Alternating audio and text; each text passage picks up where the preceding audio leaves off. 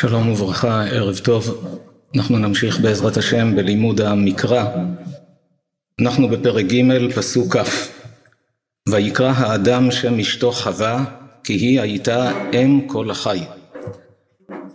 ויעש השם אלוקים לאדם ולאשתו כותנות עור וילבישם.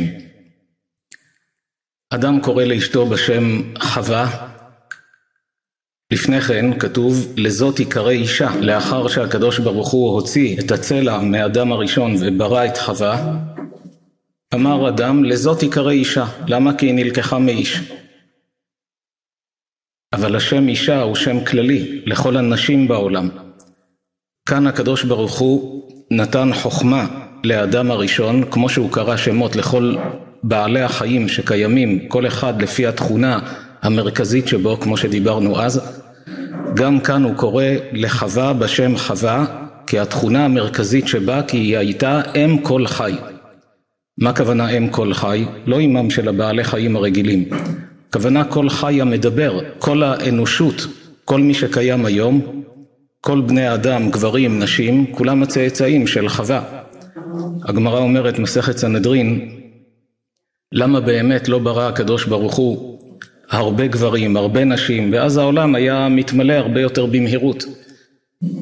ושם הגמרא מביאה כמה סיבות.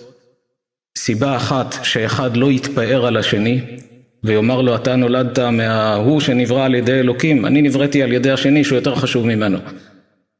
שכל האנושות ידעו, כולנו הצאצאים של אדם וחווה. אז ככה לא יבוא אדם אחד להתנשא על חברו. סיבה שנייה, כדי שכל אדם ידע להעריך את עצמו, לדעת שכל המציל נפש אחת מישראל, כאילו הציל עולם מלא. אם היה בורא הרבה בני אדם, לא היינו קולטים מה המשמעות של חיי אדם אחד.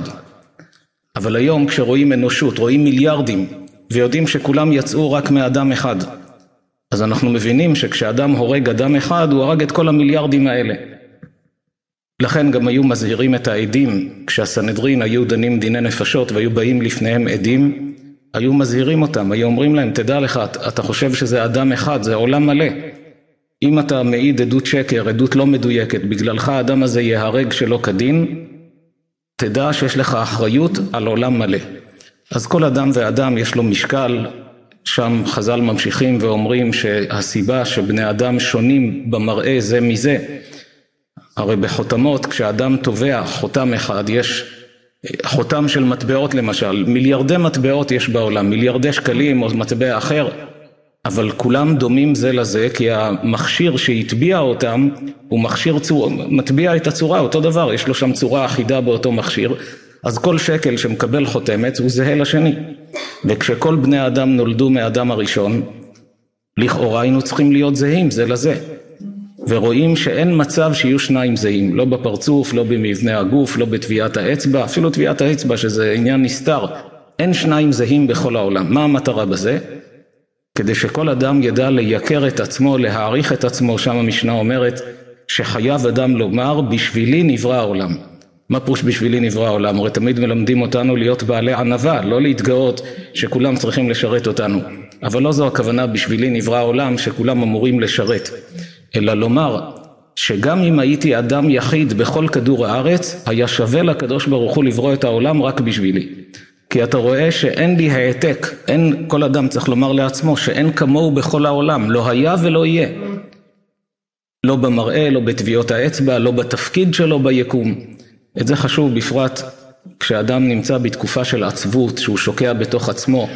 כמה פעמים שמעתי מאנשים שבזמנים של קושי, של סבל בחיים, מגיבים בצורה של אני מיותר בעולם, מה צריכים אותי בעולם? אם אני אהיה או לא אהיה זה אותו דבר. ואז מאבדים טעם בחיים, חס ושלום לחשוב כך.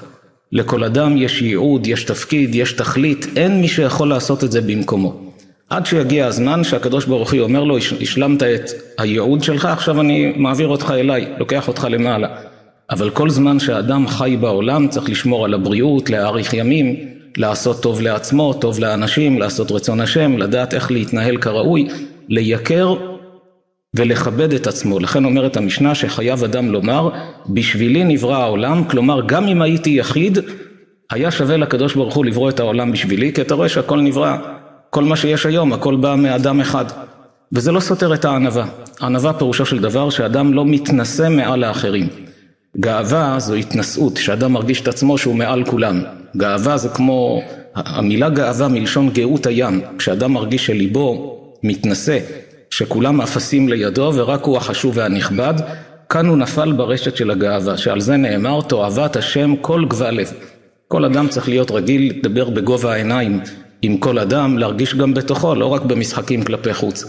להרגיש בתוכו. הרמב"ן כותב באיגרת שלו, שגם אם לך יש מעלות שאין לאחרים, אתה הכי עשיר בעולם, אתה הכי גיבור, אתה הכי יפה, לא משנה איזה מעלות יש לך, הכי חכם בעולם. אבל הוא אומר, אתה צריך לומר לעצמך, שכנגד המעלה שיש לך, הרי אתה לא מושלם בכל. זה שעומד מולך, אפילו אם הוא קבצן אדם הכי פשוט, אבל יש לו מעלות שאין לך. וייתכן שאצל הקדוש ברוך הוא, הוא נמצא במדרגה רוחנית יותר גבוהה, כך אדם צריך לומר לעצמו. בין אם הוא עשיר, בין אם הוא עני, כך הוא נשאר תמיד בגובה העיניים. וגם מעלה שיש לו, אומר הרמח"ל, תייחס את זה כתודה לבורא עולם. הקדוש ברוך הוא נתן לו להיות הכי עשיר בעולם, יאמר אני מודה לבורא עולם שנתן לי את העושר הזה, שנתן לי את החוכמה, נתן לי את הגבורה, את היופי, כל אדם מה שיש לו. וכך נשאר תמיד בדרכי הענווה, הופך להיות אדם מושלם ומתוקן. כשכאן אדם קורא לאשתו חווה כי היא הייתה אם כל חי, כלומר אם כל החי המדבר. לא היה צריך לפרט, להגיד הייתה אם כל חי מדבר, כי זה ברור, מובן מאליו.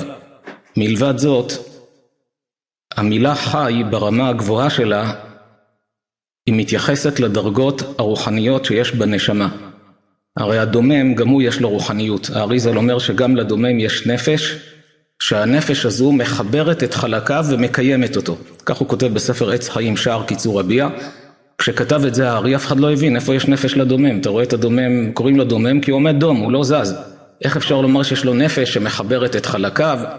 אחרי שגילו את עולם האטומים, התברר שהחלקיק הקטן של החומר שחשבו פעם שהוא הכי קטן זה האטום, הוא עצמו מורכב מגרעין פנימי ואלקטרונים נעים סביבו במהירות. כלומר, האבן חצץ שאנחנו רואים אותה דוממת, בתוכה היא גועשת ורוכשת פעילות.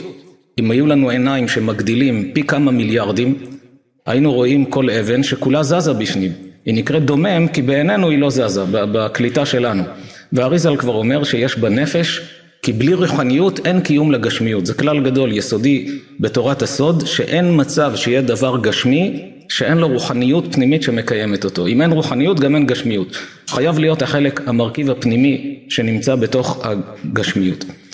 רק לדומם יש נפש ברמה רדודה שהיא מחברת את חלקיו.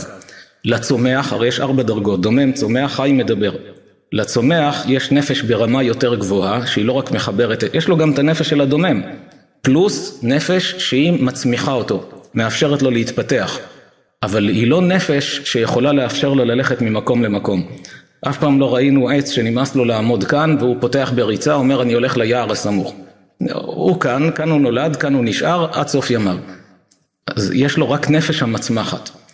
לבעלי חיים יש את הנפש של הדומם, את הנפש שמצמיחה, פלוס נפש שנותנת לו את הרוח חיים, את הפעילות הזו, את כל התחושות והרגשות. גם לצמחים יש רגשות.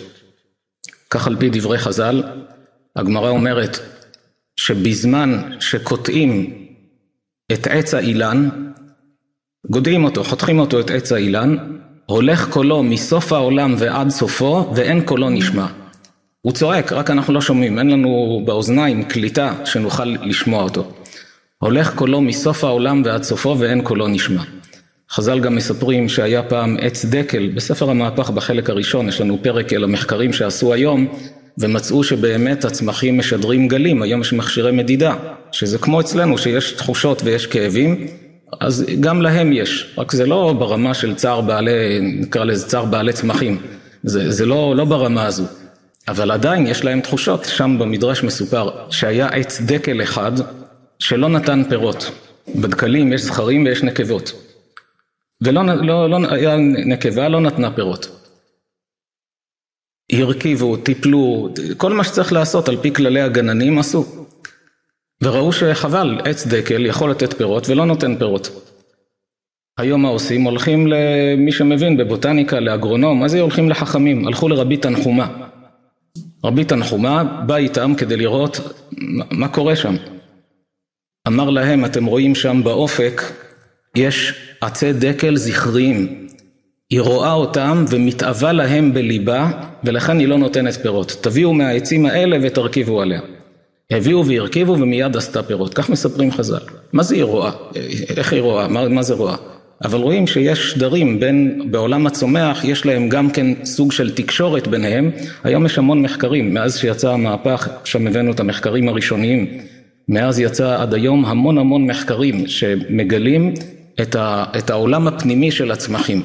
נשים שאוהבות צמחים יכולות להעיד שכשיש צמח שהיא מאוד אוהבת הוא מתפתח מאוד, יש נשים אפילו מדברות איתו ומחמיאות לו ואז הוא שמח ומתפתח עוד יותר, נראה דברים הזויים ופלאיים, אבל נשים יכולות להעיד על כך, שהמסר של אהבה, של קשר, דבר שמשפיע אפילו על עולם הצומח. מזה גם נלמד, אם ככה בצמחים, מה עם הילדים שלנו? כמה ילד צריך לשמוע את המילים ואת המחמאות ואת העידוד ואת התמיכה.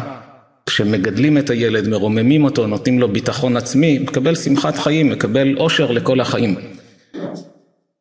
יש מחקרים שמוכיחים שילד שבקטנות שלו, כשהיה בגיל הרך, האימא הייתה מחמיאה לו, משבחת אותו, האבא היה משבח, עושה דבר טוב, כולם מוחאים לו כפיים ושרים לו ומשמחים אותו. כשהילד הזה הגיע לגיל 20, 30, 50 והוא נשוי לאישה שלא יודעת להחמיא, או שהיא נשואה לגבר שלא יודע להחמיא, או שהאדם הזה עובד במקום עבודה שאף פעם לא ייתנו לו מילה טובה. השמחת חיים של האדם הזה לא נפגמת, כי בכל פעם שהוא עושה מעשה טוב, הוא שומע בתת ההכרה את המחיאות כפיים של האימא שלו כשהוא היה בגיל שלוש. זה נשאר אצלו, מלווה אותו לכל החיים. כשהוא עושה טוב, הוא, הוא, מרגיש, הוא מרגיש שמחה, כי בגיל הרך נתנו בו את, ה, את היסודות האלה של תאמין בעצמך כמה אתה חשוב, כמה אתה מסוגל, כמה אתה יכול. כאן מתעוררת השאלה למה הוא קרא לאשתו חווה אם כתוב כי היא הייתה אם כל חי, איך היה צריך לקרוא לה? חיה. אבל אדם הראשון לא רצה לקרוא לאשתו בשם חיה, אף על פי שזה היה השם הנכון יותר, כדי שלא יישמע כמו חיית השדה, כמו החיות שיש בעלי חיים. ומכיוון שהאות ו' והאות י' בשפה העברית הן אותיות מתחלפות, יש בכמה מקומות בתנ"ך רואים שבמקום י' כתוב ו' או להפך. יש מקומות שכתוב הוא וקוראים היא. הקריאה הנכונה היא היא, כמו כאן, אפילו במילה הבאה, ויקרא אדם שם אשתו חווה, כי היא הייתה אם כל חי. המילה היא בספר תורה כתובה עם ו', לא כתובה עם י'. יש לזה סיבות למה. אבל אם לא שה, שהאותיות י' וו' הן אותיות מתחלפות, שפעם זאת יכולה לבוא במקומה וזאת יכולה לבוא במקומה, התורה לא הייתה מחליפה את האות. למשל, ד' לעולם לא תיכנס בתוך המילה היא, ג' אף פעם לא ייכנס בתוך המילה היא, אבל י' וו' אותיות מתחלפות. רק יש מקומות שכתוב היא עם י', יש מקומות שכתוב היא עם ו', כמה מקומות כאלה בתורה. כל מקום שכתוב היא עם ו', זה בא לרמוז משהו, לא לחינם כך. למשל כאן, למה כתוב כי היא הייתה אם כל חי, וכתוב הוא, וקוראים היא?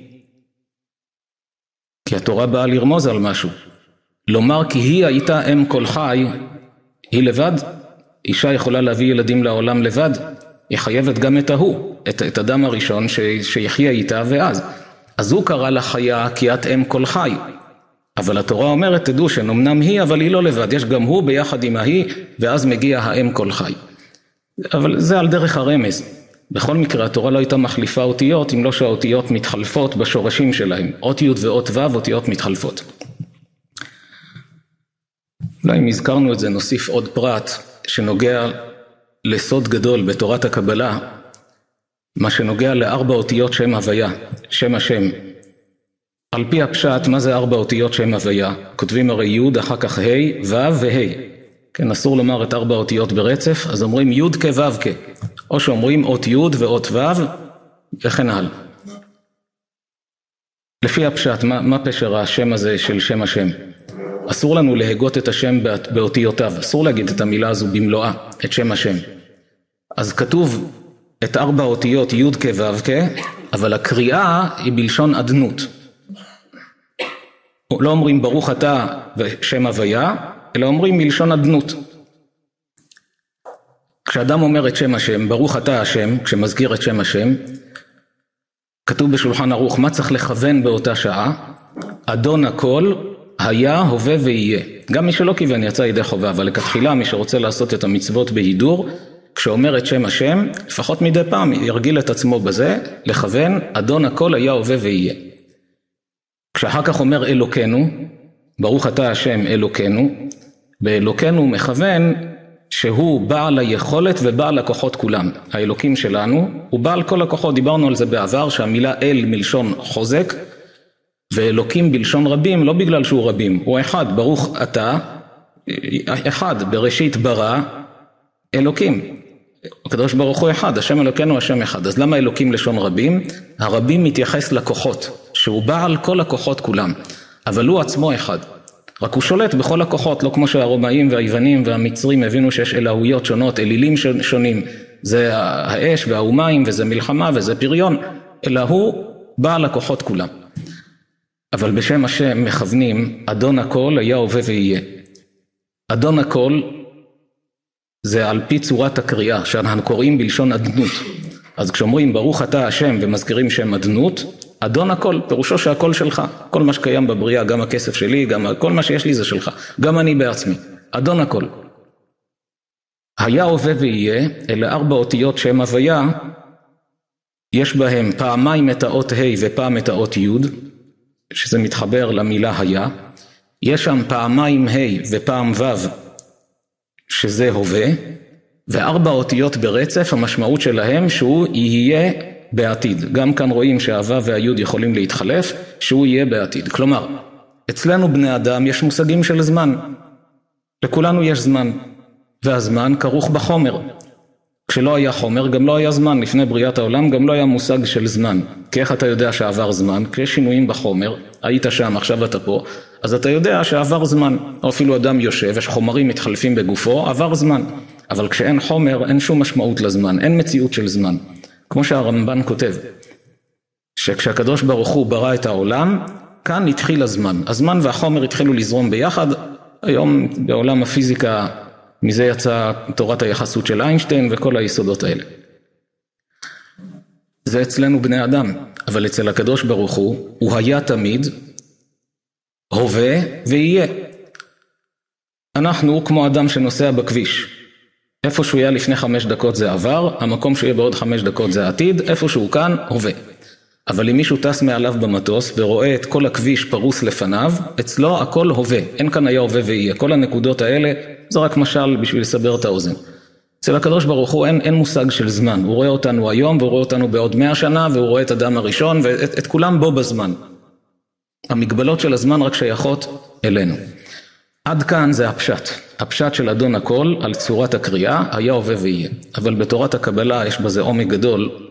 שמות של בני אדם ושמות של בעלי חיים, שם בעברית, גם של עצמים שונים, השם מבטא את המהות. המהות של בעל החיים על פי שמו.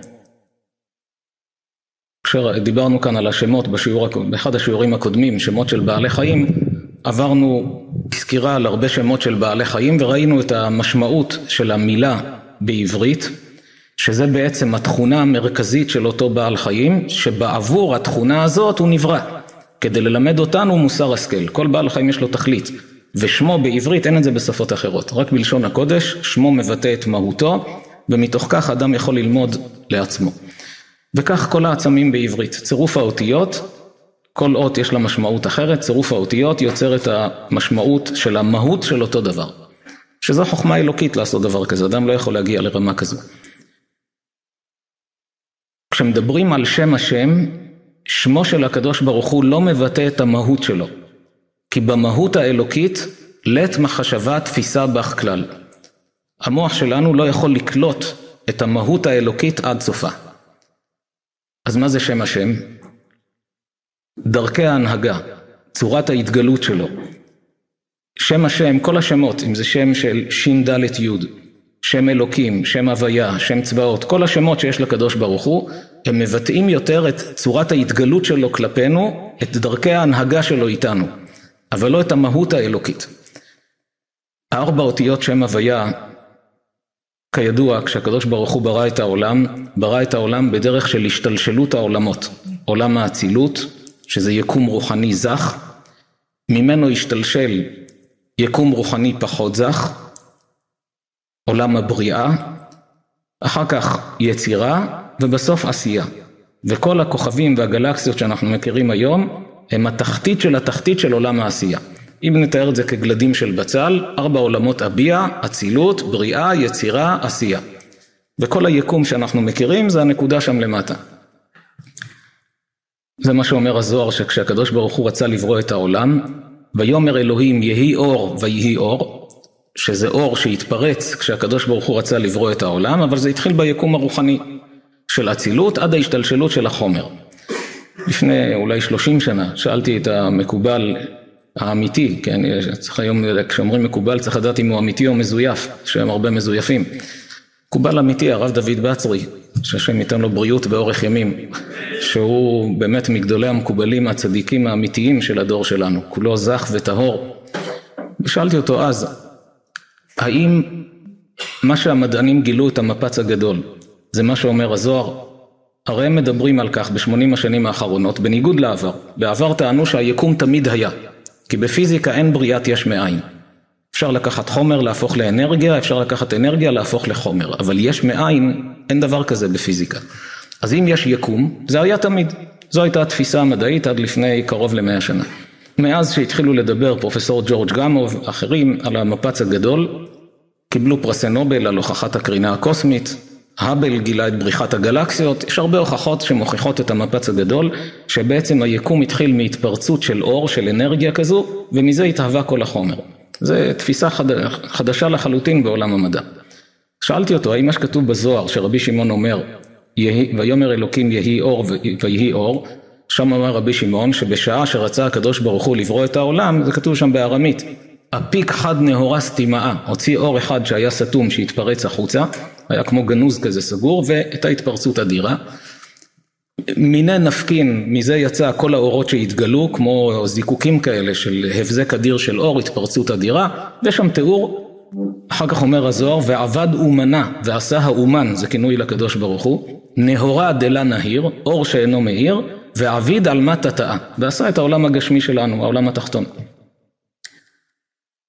יש כאן תיאור מעניין, האם מה שהם גילו זה מה שכתוב בזוהר? הוא הגיב בחיוך, הוא אמר הם גילו את התחתית של התחתית של דברי הזוהר. הם יודעים מה זה עולם האצילות, מה זה בריאה, מה זה יצירה, מה זה עשייה, הם גילו רק כשהאור הגדול הזה עבר את כל השלבים ועבר לשלב של ההתגשמות, אז הם יודעים שהייתה התפרצות של אנרגיה. אבל מאיפה זה בא? באמת בדקתי, למדענים אין תשובה. בספר המהפך שם הבאנו גם את הציטוטים של המדענים, שאומרים אנחנו יודעים שהעולם נברא, לא יודעים ממה, מאיפה זה בא, איך זה התחיל הכל, אין להם הסבר. אבל על פי הזוהר שם האריזל בספר עץ חיים מסביר שכשהקדוש ברוך הוא רצה לברוא את העולם, בתחילה האור האלוקי היה ממלא את הכל.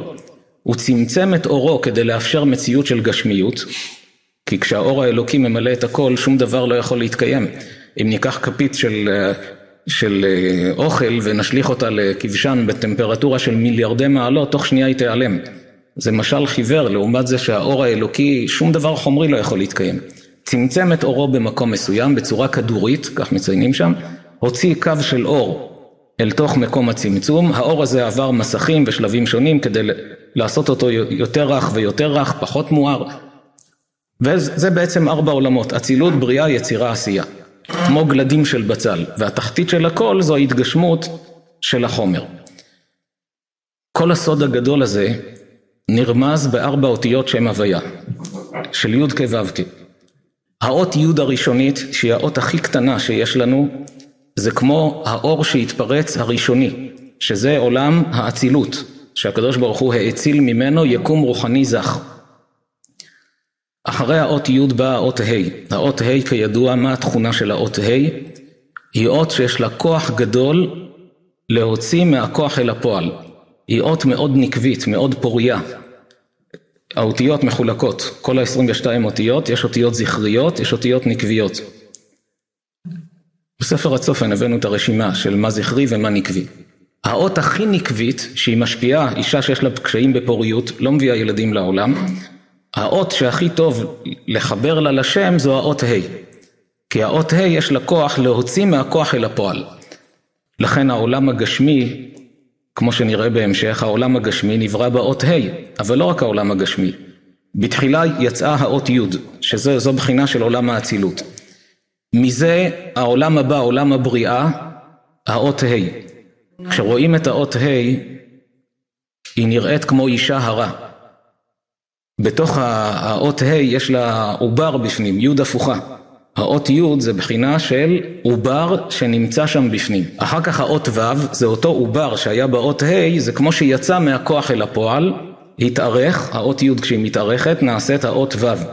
וזה שייך לו' קצוות, ששת הקצוות של החומר, שזה ההתחלה של ההתגשמות של כל הבריאה כולה, עד שהאות ה' האחרונה היא בעצם עולם העשייה. אז ארבע אותיות שם הוויה כנגד אצילות, בריאה, יצירה, עשייה. בכלל, כל מה שיש ביקום ששורשו בארבע, כמעט הכל שורשו, גם היום במדע מדברים על ארבע כוחות מרכזיים. פעם חשבו שיש יותר, היום צמצמו אותם לארבע ושואפים להגיע לכוח אחד שיאחד את כל הארבע. והם צודקים, כי הכוח האחד זה הקדוש ברוך הוא, וארבע הכוחות הם ארבע אותיות שם הוויה. גם ב-DNA יש ארבע אותיות. הם קוראים לזה אותיות לועזיות, אבל זה לא נכון. ביהדות, על פי התורה שלנו, ברור שארבע אותיות האלה שורשם בארבע אותיות שם הוויה. גם דומם, צומח, חי, מדבר. כל הרביעיות שאנחנו מכירים ביקום, אש, רוח, מים, עפר, הכל שייך לארבע אותיות האלה וכל אחד מקביל לשני. נחזור לעניין. ויקרא אדם שם אשתו חווה כי היא הייתה אם כל חי, אז ראינו שהאותיות י' וו' מתחלפות. יש עוד ביאור שקרא לה חווה, בתנ"ך יש פסוק שמשמעותו, משמעות המילה חיווי, יחווה זה כמו יחווה דעה, יביע דעה, ידבר. במילים אחרות פירוש המילה חווה מדברת. תכונת האישה לדבר יותר מהאיש. והקדוש ברוך הוא נתן לה את התכונה הזאת לטובת הילדים.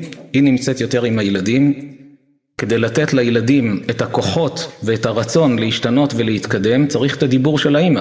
הגבר מדבר קצר, מה שצריך לומר הוא אומר, מה שלא, הוא לא יוסיף מילים.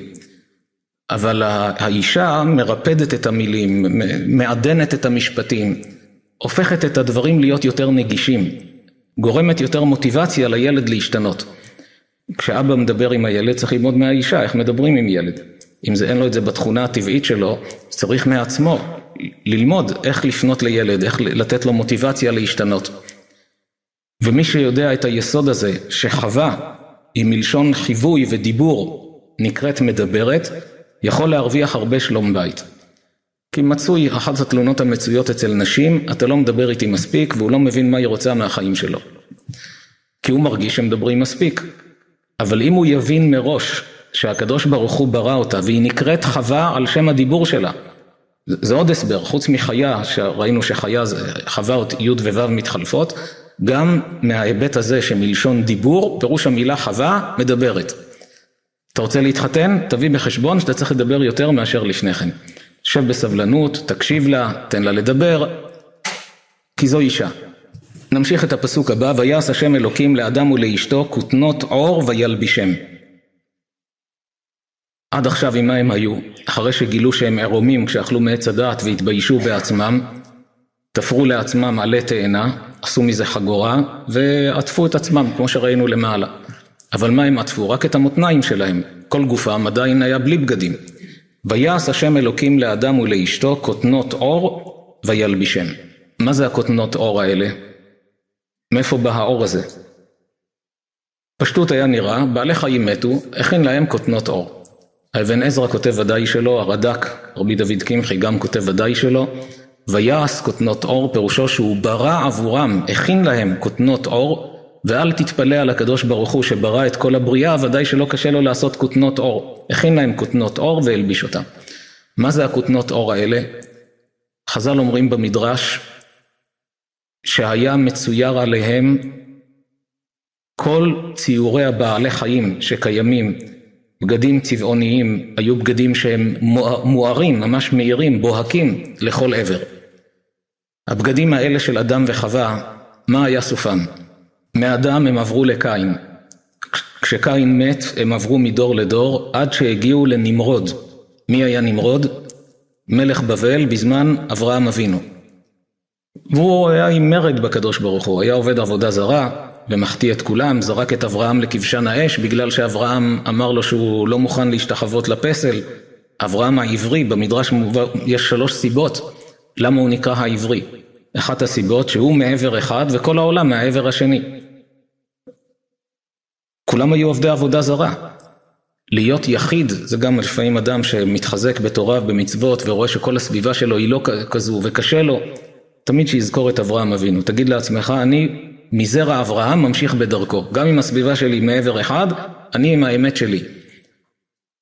והוא לא לבד, יש עוד הרבה, ברוך השם, מתחזקים. אבל אברהם הוא היה יחיד, ממש מעבר אחד, וכל העולם מהעבר השני. זה היה אברהם העברי. ונמרוד השליך אותו לאש, לכבשן האש, ניצל. אבל הוא לא, הוא לא ידע שהוא ינצל, הוא נכנס לכבשן הדעת שהוא יישרף. כי היה אמיתי עם עצמו, ממש נאמן לבורא עולם. הבגדים האלה של אדם הראשון הגיעו לנמרוד. וכשנמרוד לבש אותם, הוא היה בלתי מנוצח. בכל קרב שאנשים היו באים לריב איתו, הבגדים האלה, מי שהיה לובש אותם, היה מקבל חוסן וחוזק וכוח. אף אחד לא יכול לנצח אותו, כי זה בגדים שהקדוש ברוך הוא יצר אותם, זה כמו שריון כזה, שאין מצב שמישהו יכול לנצח אותו, מכניס עוצמה ללובש. כשיעקב נשלח על ידי אמו להביא אוכל לאביו כדי לקבל את הברכות, הברכות זה מעמד ההכתרה, מי יהיה הממשיך של אברהם ויצחק. עשיו רצה להיות הוא הממשיך, והוא שיקר על אביו. הרי על פי האמת הוא מכר את, ה...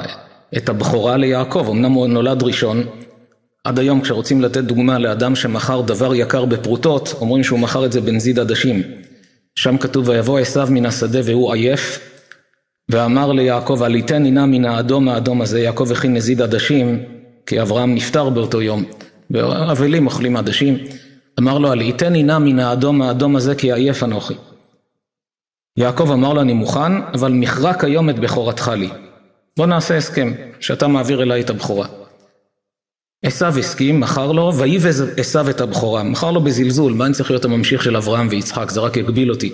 להיות אה, מעמד של בן מלך, של שושלת מלוכה, לייצג את האלוקות בעולם, גדול עליי, תיקח את זה אתה. ויבז עשיו את הבכורה, כך כתוב שם. אחר כך הוא קלט שהוא עשה טעות, אבל זהו, עכשיו יעקב הוא הבכור. כשאביו אמר לו, אני כבר זקן ואני היום רוצה לעשות את מעמד ההכתרה, את הברכות, מי הממשיך של אברהם ויצחק? עשיו היה צריך לומר לו, אבא, אני כבר לא הבכור, תזמין את יעקב. אבל הוא היה רמאי. אז הוא בא ועשה את עצמו כאילו הוא הלך לאבי ציד. רבקה קראה ליעקב, אמרה לה, אני יודעת את האמת, שאתה הבכור היום. יש כאלה ששואלים, איך יעקב רימה את עשיו? תשובה, לא, עשיו היה הרמאי, הוא צריך להחזיר לעצמו את מה שמגיע לו. אז אמרה לו, תביא אתה את האוכל, והלבישה אותו את בגדי עשיו בנה החמודות, את הבגדים החמודות. מה זה בגדי עשיו החמודות? אלה הבגדים שעשיו חמד אותם מנמרוד. ויבוא עשיו מן השדה והוא עייף, עוד לפני הסיפור של הברכות. כשהוא מכר לו את הבכורה, ממה הוא היה עייף? אומרים חז"ל שבאותו היום הוא נאבק עם נמרוד ורצח אותו. אבל איך הוא הצליח? הרי נמרוד היה בלתי מנוצח. עשיו התגרה בו, והזמין אותו לדו-קרב, אז היה מצוי, מזמינים לדו-קרב וכולם עומדים מסביב ומסתכלים. ונמרוד הוא לא מפחד, הוא גם היה גיבור חיל מצד עצמו, גם יש לו את הבגדים.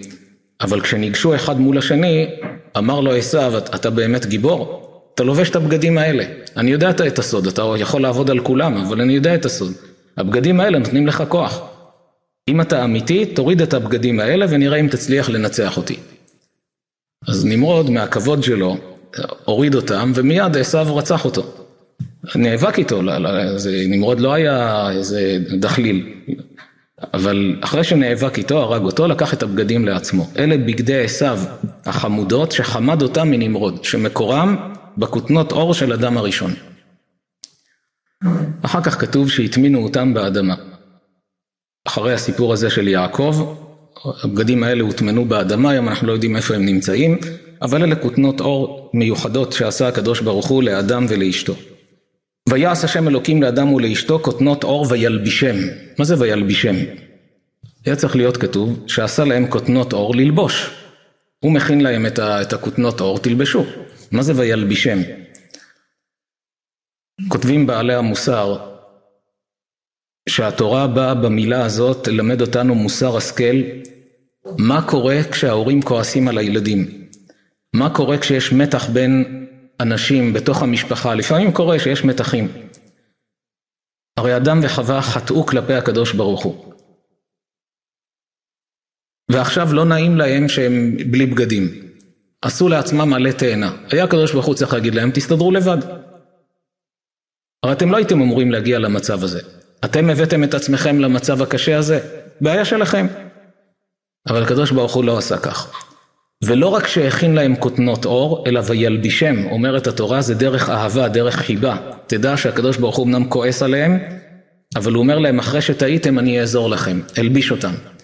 כך גם כשהורים כועסים על הילדים, ומחנכים אותם, ונוזפים בהם, אפילו מענישים אותם, אבל תמיד צריך לזכור וילבישם. לא רק בגדים, בכלל לזכור את מידת הרחמים. זה שהילד היה לא בסדר בדבר אחד, לא בשביל זה צריך עכשיו להסתכסך איתו על הכל ולנתק איתו את הקשרים, כמו שיש בתים שההורה כועס על מחדל של ילד בגיל ההתבגרות או אחרי, ואז בכלל קצר גדול במשפחה. תלמד מהקדוש ברוך הוא. אדם וחווה התנהגו שלא כראוי, אבל הקדוש ברוך הוא ילביש אותם. אולי אם הזכרנו את זה כדאי להוסיף עוד פרט אחד בכל הנושא של יחסים הורים וילדים במה שנוגע לענישה. יש היום שתי גישות מאוד קיצוניות בגישה איך להעניש ילדים, ואם בכלל להעניש. יש גישה שאוסרת על הילדים, אוסרת על ההורים להרים יד על ילד, בשום אופן לא. ויש הורים קיצוניים לצד השני לחלוטין. כל בעיה מרימים ידיים, חבטות ומכות, השבוע דיבר איתי בחור בן 19, שהוא אומר שהוא זוכר כשהיה ילד, עוד לפני כיתה א', הוא זוכר איזה מכות היה מקבל מהאבא. ועד היום הוא אומר שאין לו ביטחון עצמי, והוא מייחס את זה לאותו עניין. כי על כל דבר היו חובטים בו ומכים אותו. חוקקו חוק, כי ראו שבאמת הורים מתאכזרים, לא רק הורים, הורים היו, כל התאכזרות כלפי ילדים, חוקקו חוק קיצוני לצד השני, שאסור להרים יד על ילד בשום פנים ואופן. מהי הגישה של התורה? מה העמדה של התורה? האם מותר להרים יד על ילד, אסור להרים יד על, ילד? הרי בחוק הזה ש, שאסרו להרים יד על ילד, הפכו לפחות חצי מהמדינה לעברייני חוק. כמעט כל הורה קרא פעם שהיכה את הילד. כי לפעמים ההורים מרגישים, אני, אני לא מכה את הילד, אבל לעיתים נדירות, מה, אני יכול לעשות? זה הדבר היחיד שיכול להחזיר אותו למסלול. בגמרא כתוב כך, כמו כל דבר, התורה מלמדת את האיזון הנכון.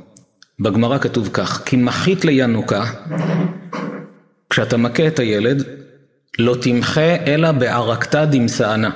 לא תכה אותו, אלא בשרוך הנעל. במילים אחרות אומרים חז"ל, שאסור שהמכה תהיה מכה אכזרית. מה זה שרוך הנעל? זה נתנו דוגמה, נתנו משל, אתה לוקח שרוך עושה ככה למישהו, לא הרגיש כלום.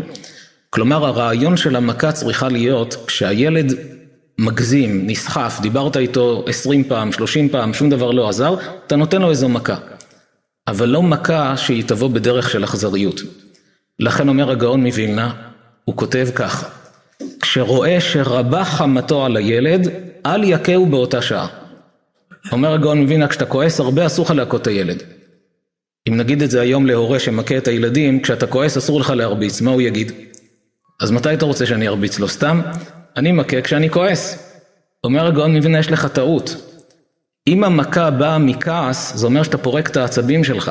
זה לא שבאמת השכל שלך אומר שהילד יתנהג שלא כראוי כדי להחזיר אותו למסלול, צריך לתת לו איזה מכה. הרב וולבה כותב בעלי שור, כשהורה מכה ילד ושואלים אותו למה אתה מכה, הוא אומר בשביל לחנך. אומר הרב וולבה בעלי שור, תבדוק את עצמך, האם באמת אתה מכה בשביל לחנך, או שאתה מכה בשביל להתנקם בילד על שלא שמע בקולך? אם נגיד לאבא אתה מתנקם, נגיד חס ושלום, אני אתנקם בבן שלי, זה... אבל הוא אומר תבדוק בעומק הנפש, יכול להיות שהכבוד שלך נפגע. ואתה מכה אותו כי הכבוד נפגע, כי הוא לא שמע בקולך. אסור שמכה תבוא מתוך נקמה, מתוך כעס, בפרט אם הוא מכיר בעצמו שעכשיו הוא כועס על אשתו, כועס בעבודה, כועס על עניינים אחרים, ואת העצבים הוא מוריד על הילד. אסור שיהיה דבר כזה. לכן אומר הגאון, כשרואה שרבה חמתו על הילד, אל יכהו באותה שעה. וזה בעצם האיזון שחז"ל לימדו אותנו באיזו צורה יש להתנהג עם השמאל דוחה וימין מקרבת, שמצד אחד צריך הרבה קרבה, ימין היד החזקה היא המקרבת, ושמאל שהיא היד החלשה בדרך כלל היא זו ששמה את המעצורים ושמה את הגבולות. נסיים בברכה לכל הציבור שנמצא איתנו כאן, לכל הצופים בכל מקום שהם, שהשם ייתן לכולם בריאות איתנה, פרנסה טובה, זיווגים הגונים, דורות ישרים ומבורכים, ושהשם ישמור את עם ישראל וחיילי ישראל בכל מקום שהם, אמן ואמן.